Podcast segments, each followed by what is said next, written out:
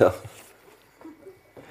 Eh, Det er veldig flott å komme til gudstjeneste igjen.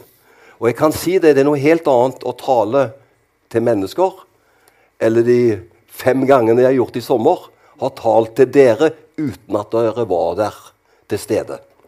Men det er jo en grei måte, det også. Men det aller beste er jo å møtes. Så Derfor er det veldig fint å se dere, og at vi kan få være sammen om gudstjeneste i dag. Overskriften på talen det er søndagens tekst, og overskriften heter hos meg 'Gjest hos en utstøtt'. Gjest hos en utstøtt. Og da leser Ebbe bibelteksten. Ja. Men uh, før jeg gjør det, så tenkte jeg det at eh, Sten han har nå ligget sjuk et par-tre dager.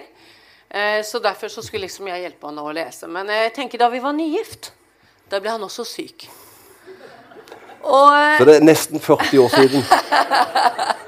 Han blir syk hvert 40. år. Da.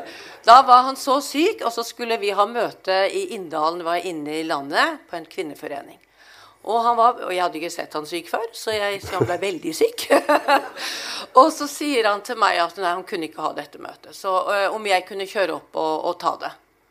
Uh, så sa jeg «Øh, hva, skal jeg ta, holde talen din? Ja, jeg, manuset ligger inne på kontoret. Så gikk jeg inn på kontoret, og der lå manus. Det var fem ord. Det var hele manuset.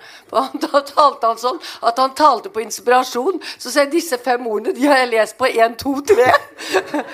Jeg kjører, jeg synger, jeg leder, du taler. og vi var nesten der i går kveld at jeg måtte begynne å pugge manus.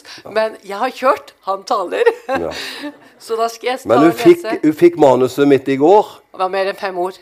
Nei, for det er et mer utførlig manus nå. Det er jeg mener. det var mer Så, eh, men nå får jeg holde talen allikevel. Men hun kan lese teksten. Det skal jeg gjøre.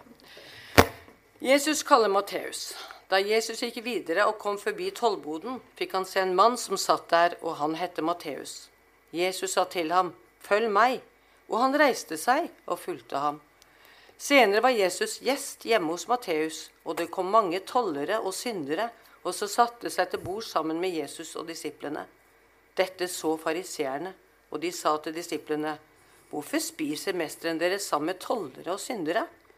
Men Jesus fikk høre det og sa, 'Det er ikke de friske som trenger eh, lege, men de syke.' Gå og lær hva dette betyr. Det er barmhjertighet jeg vil ha, ikke offer. Jeg er ikke kommet for å kalle rettferdige, men syndere. Slik lyder Herrens ord. Gjest hos en utstøtt. En av disiplene som Jesus kaller, kaller han her i teksten. Han kaller Matteus til å bli disippel. Og det er grensesprengende. Hvilket yrke hadde han jo ikke. Han var en av de tre han representerte en av de tre yrkesgruppene som var mest forhatt i Israel. Det var nemlig tre grupper tollere. De ble sett på som frafalne og forrædere, som gjennom pålagte avgifter plundret vanlige folk. Også i tillegg så var det røvere og mordere. Så da skjønner vi Jesus kunne ikke gå lavere ned i sin utvelgelse. Og han kunne ikke gjøre det på en mer krevende og utfordrende måte. Tenk, en av søpla kaller han til å bli en av sine disipler. Jeg syns det er fantastisk. Men det er jo ikke dagens kriterier som vi går efter. Men Jesus, han vet jo alt. Og så går han og velge en så viktig person, for han skal bli en disippel. Han skal være med og føre evangeliet videre efter Jesu tid. Det er jo et, et voldsomt viktig valg som skal gjøres. Og så går han, så kan det se ut som det er tilfeldig. Han er ved tollbuen, og plutselig der så ser han tolleren Matteus. Jeg tror vi har et bilde av han også her. Her er han, eh, Matteus han er ved, ved bordet der og masse ting og masse folk er rundt han. Og plutselig, du, så er det Jesus som er der.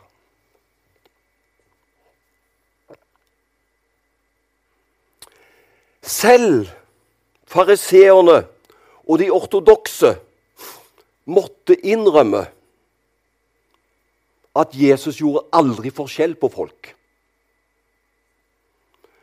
Det satt langt inne for fariseerne. De, de var jo alltid ute etter Jesus. Men de måtte innrømme han har en så høy moral at han gjør aldri forskjell på folk. Og Nå skal du få et skriftsted som forteller dette som eh, fariseerne og de ortodokse jødene sa om Jesus. Det står i Matteus 22, vers 16. Og hør her. Mester, vi vet at du er en sannferdig og lærer Guds vei i sannhet. Du bryr deg heller ikke om folks mening, for du ser ikke på menneskets ytre. Det var en fenomenal attest som Jesus får ifra fariseerne og de lovlærde. De må jo berømme han. Underforstått vi gjør forskjell på folk. Vi har våre kriterier. Men du er en sannferdig person som aldri bedømmer mennesket i forhold til det ytre. Fordi du gjør ikke forskjell på folk. Men så må også det sies at da disse sier dette, så er det jo for å prøve å blidgjøre Jesus for i neste omgang å ta han. Men det er jo en fantastisk attest de gir han. Tenk, de sier at du ser ikke på menneskets ytre, og du bryr deg heller ikke om folks mening. Du har en selvstendig mening. Du står for noe sjøl, Jesus. De første kristne de trodde at evangeliet kun var for jødene. Ikke sant? Det vet vi. Det har vi skriftbelegg på. De trodde at det var de jødene som Jesus kom for, og det var de som var de utvalgte. Men det er jo imot Guds vesen å gjøre forskjell på folk. Det var dette Peter opplevde da han kom til Kornelius' hus. Vi leser vel om det i Apostlenes gjerninger kapittel 10, tror jeg. Der kommer eh, Peter til Kornelius' hus. Kornelius er en hedning. Langt borte. Han var jo ikke jøde i hele tatt. Han hadde de ikke rette DNA-ene ut ifra det å være en religiøs og være innafor. Men det var en bra person, Kornelius. Og så kaller Gud for han, og så står det at han, han ba. Og så kommer plutselig Peter, for han fikk beskjed om kan ikke du komme. For, uh, Peter, for Kornelius ønsker gjerne å møte deg. Og så kommer Peter til Kornelius. Og så opplever jo Peter Jeg er så glad for at Peter var tross alt åpent i sitt sinn. Det er farlig med de som ikke åpner, vet du. De som er lukka. De, nei, jeg, jeg har min mening, og den skal jeg ha til jeg dør. Det er livsfarlig med sånne folk. Men du skjønner det at Peter han var åpen i sitt sinn. Han visste at han gikk på fremmed mark. Han visste det kunne være veldig kritikk ut fra det han gjorde i efterkant. Men han går, for han skjønner jeg skal besøke den mannen der. Og så kommer han til Kornelius' hus. Og så kommer Peter med den fantastiske bekjennelsen. I sannhet skjønner jeg at Gud ikke gjør forskjell på folk. Og så får Kornelius oppleve evangeliet. Han får oppleve at Peter er der og er evangelisten som fører Kornelius over til et trosliv. Og han blir med i arbeidet videre. Du skjønner, Det er grensesprengende, og det kan du lese om videre i apostlenes gjerninger. Hvor evangeliet det kunne jo ikke bare være i jødeland. Det hadde vært fallitt. Men det var der det startet. Det var der det begynte. Men evangeliet det er for alle mennesker, like til jordens ender. Ikke sant? Av misjonsbefalingen. Og så er det dette som de opplever at eh, det var ikke bare for noen få utvalgte. Gud gjør ikke forskjell på folk. Det gjelder for alle. Kirken må være et sted der alle forskjeller viskes ut. Det må ikke være menneskelige posisjoner og rikdom som opptar oss når vi møtes hos vår Frelser og Herre. I Hans nærhet blir all jordes fortjeneste mindre enn støv, og all jordes rettferdighet blir som fillete klær. I Guds nærhet blir vi alle mennesker like. For jeg er så glad for Gud gjør ikke forskjell på folk. Det er jo derfor vi kan føle oss så trygge også. Det er derfor du er så trygg. For han tar imot deg som han tar imot hvilken som helst annen. For han kan ikke gjøre forskjell på folk. Abraham Lincoln, Amerikas president i sin tid, han avskaffet slaveriet. Og så har Abraham Lincoln sagt følgende Gud må være glad i alminnelige mennesker, for han har jo skapt så mange av dem. Kristendommen har alltid hatt et spesielt budskap til de fattige. Det er det som gjør at eh, evangeliet slår så ned i Afrika og i Asia under fattige himmelstrøk. For det, for det evangeliets DNA går rett inn i mennesker som strever og har en utfordrende hverdag. Vi ser ikke de nyansene hos oss, for vi er rike alle sammen, sammenlignet med de som bor under helt andre himmelstrøk. Men der opplever de at kristendommen det løfter dem opp og gir dem en verdi i kraft av at de er mennesker som lever på jorda. Det er grunnlaget for deres verdi. Og så har de opplevd at det er en som er for dem. Kristendommen har alltid hatt et spesielt budskap til de fattige. I Jesu første preken i synagogen i Nasaret sier han Du vet det, men jeg skal repetere det for deg. Der sier Jesus Han har salvet meg til å forkynne et gledesbudskap for de fattige. Det er egentlig de det er mest av. Så starter Jesus. Tenk, dette er hans første offisielle tale. Og så sier han det. Han har salvet meg til å forkynne et gledesbudskap for de fattige. Og i saligprisningene, Jesu kanskje mektigste tale, som vi kan lese om i Matteus 5, 6 og kapittel 7 der sier Jesus salige er de som er fattige i seg selv, for himlenes rike er deres. Så du skjønner, Hvis ikke evangeliet klarer å løfte opp de som ikke er noe, da vil jeg nesten si, da har vi et forfeilet evangelium. For evangeliet gir håp og framtid for alle mennesker. Og så kan vi jo legge mye i fattige, ikke sant? For man kan være fattig ikke bare i, i, kroner og øre, men det kan være andre deler som også gjør at vi føler oss fattige. Men evangeliet er for de fattige i hele sin bredde.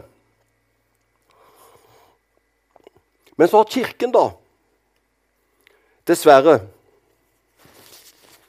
fungert som lovens mørke og kolde vokter. Og dessverre favorisert de rike og vellykkede ser vi på Kirken med historiens øyne. Og så kan vi si det, det er ikke sånn i vår menighet. Men når jeg snakker om Kirken, så snakker vi om Kirken i et stort perspektiv. ikke sant? Hvis vi ser historisk på Kirken, så gjelder det faktisk av flere hundre år. Og hvis vi ser på Kirken i vårt land gjennom et stort historisk perspektiv, så må vi si de har favorisert de rike og de vellykkede. Historien har ikke bare vært bra her til lands. I gamle dager fikk man sitte på kirkebenker etter hvordan en sosiale status var. Er du klar over det? De rike hadde de første benkeradene. Og så kunne du se ut ifra lommeboka hvilken plassering de hadde i gudstjenesten i kirkene. Slik var det. Og de helt fattigste av alle de måtte være helt bakerst.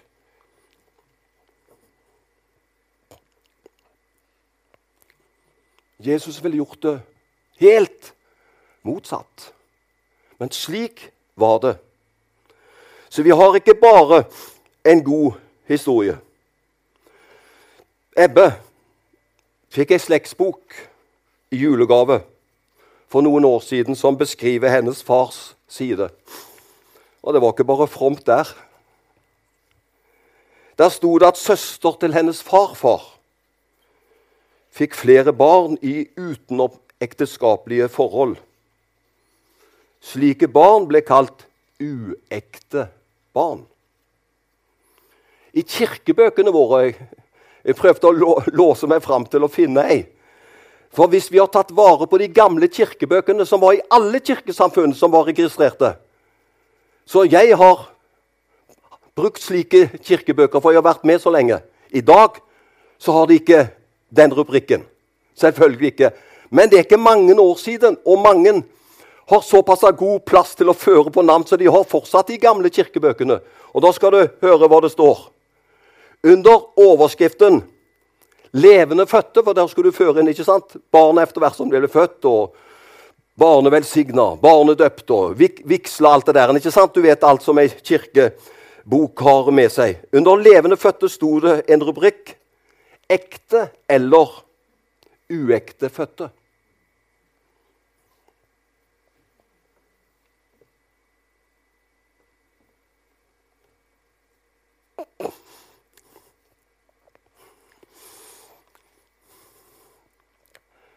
Barna ble ikke født inn i et ekteskap med mann og kone.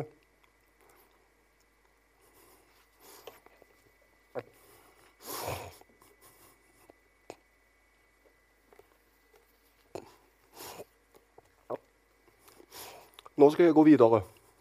Noen ganger så kommer disse bølgene, men nå er jeg kommet gjennom. Gud har ingen uekte barn bare ekte. Måtte vi ta lærdom av historien. Gud har en enorm kjærlighet til alle mennesker. Og ingen av oss har mandat til å sette oss på vår høye hest og være nedlatende mot andre. Vis meg den personen som har fått det mandatet. Ingen av oss har fått mandat til å sette oss på vår høye hest og være nedlatende mot andre. Har du glemt teksten, Sten? Nei. Og nå skal du få denne belyst mot teksten. Jeg har bare lyst til å si at det, det, Gud har bare ekte barn. Og så er det det som jeg starta med Gud gjør ikke forskjell på folk. ikke det er flott? Og så går vi rett inn i teksten, da. I teksten vår kaller Jesus tolleren Matteus til å bli apostel. Det var et særdeles dristig valg. Og det første Det er fantastisk. Det første Matteus gjør etter at han fikk møte Jesus, det var å innby til selskap. Dermed fikk Jesus møte andre tollere som var utstøtt av samfunnet. Så flott at Jesus stilte opp i festen og menget seg blant samfunnets sorte får. Unnskyld det folkelige uttrykket, men jeg digger Jesus. Tenk at han ikke bare kalte én, og så måtte han rett ut av sitt miljø. Han går til fest med det klientellet som var så utstøtt. Og Jesus var ingen festbrems, det kan jeg love deg. Han var der full av kjærlighet og nåde. Min far Jeg tror jeg har sagt det én gang her før, men jeg skal si det igjen, for det, det er alltid nye mennesker. vet du. Min far startet alltid sine bønner, siden jeg kan huske det, da, og inntil han døde, med å si Sånn starta han bønnene sine underfulle Jesus. Og så ba han videre. Og så sa han gjerne 'underfull Jesus' tre ganger. Han, liksom, han syntes sikkert det var så bra. Det var liksom sånn kodeord for han, så da, da kom han inn i bønnen. 'Underfulle Jesus'. Og jeg syns faktisk talt at Jesus er helt unik. Han tok en sjanse. Men så var det så naturlig for Matteus at hans venner også måtte få møte Jesus. Ser du det? Det hadde skjedd noe. Og jeg tror de beste fiskerne er de nyfrelste. For de har fått opplevd en sånn brann, de har opplevd en sånn forandring i livet sitt. At de tenker mine venner må også få møte Jesus. For han betyr jo alt for meg. Han har jo, han har jo virkelig gitt livet mitt en slik dimensjon. Og så tenker ikke Matteus på at ja, dette er jo et tvilsomt rykte, dette er jo et tvilsomme kamerater og, og venner jeg har. Men han blåste i det. Og så tenker han Jesus han må også få møte mine venner. Og de var jo selvfølgelig også tollere og syndere. Så flott at Jesus stilte opp. Det er faktisk alt en kristen plikt for oss å dele med oss den velsignelsen vi har funnet av Jesus. Og jeg vil bare si det. Kunne Matteus dra Jesus inn i sin gruppe, så burde det jo være lettere for oss å invitere Jesus inn til de mennesker som vi har kontakt med, som ennå ikke har opplevd Jesus. De trenger å møte en som vil bare det beste med oss. Han vil gi oss framtid, og han vil gi oss håp. Og så var det jo noen skriftledere og fariseere. De, de har vi alltid blant oss.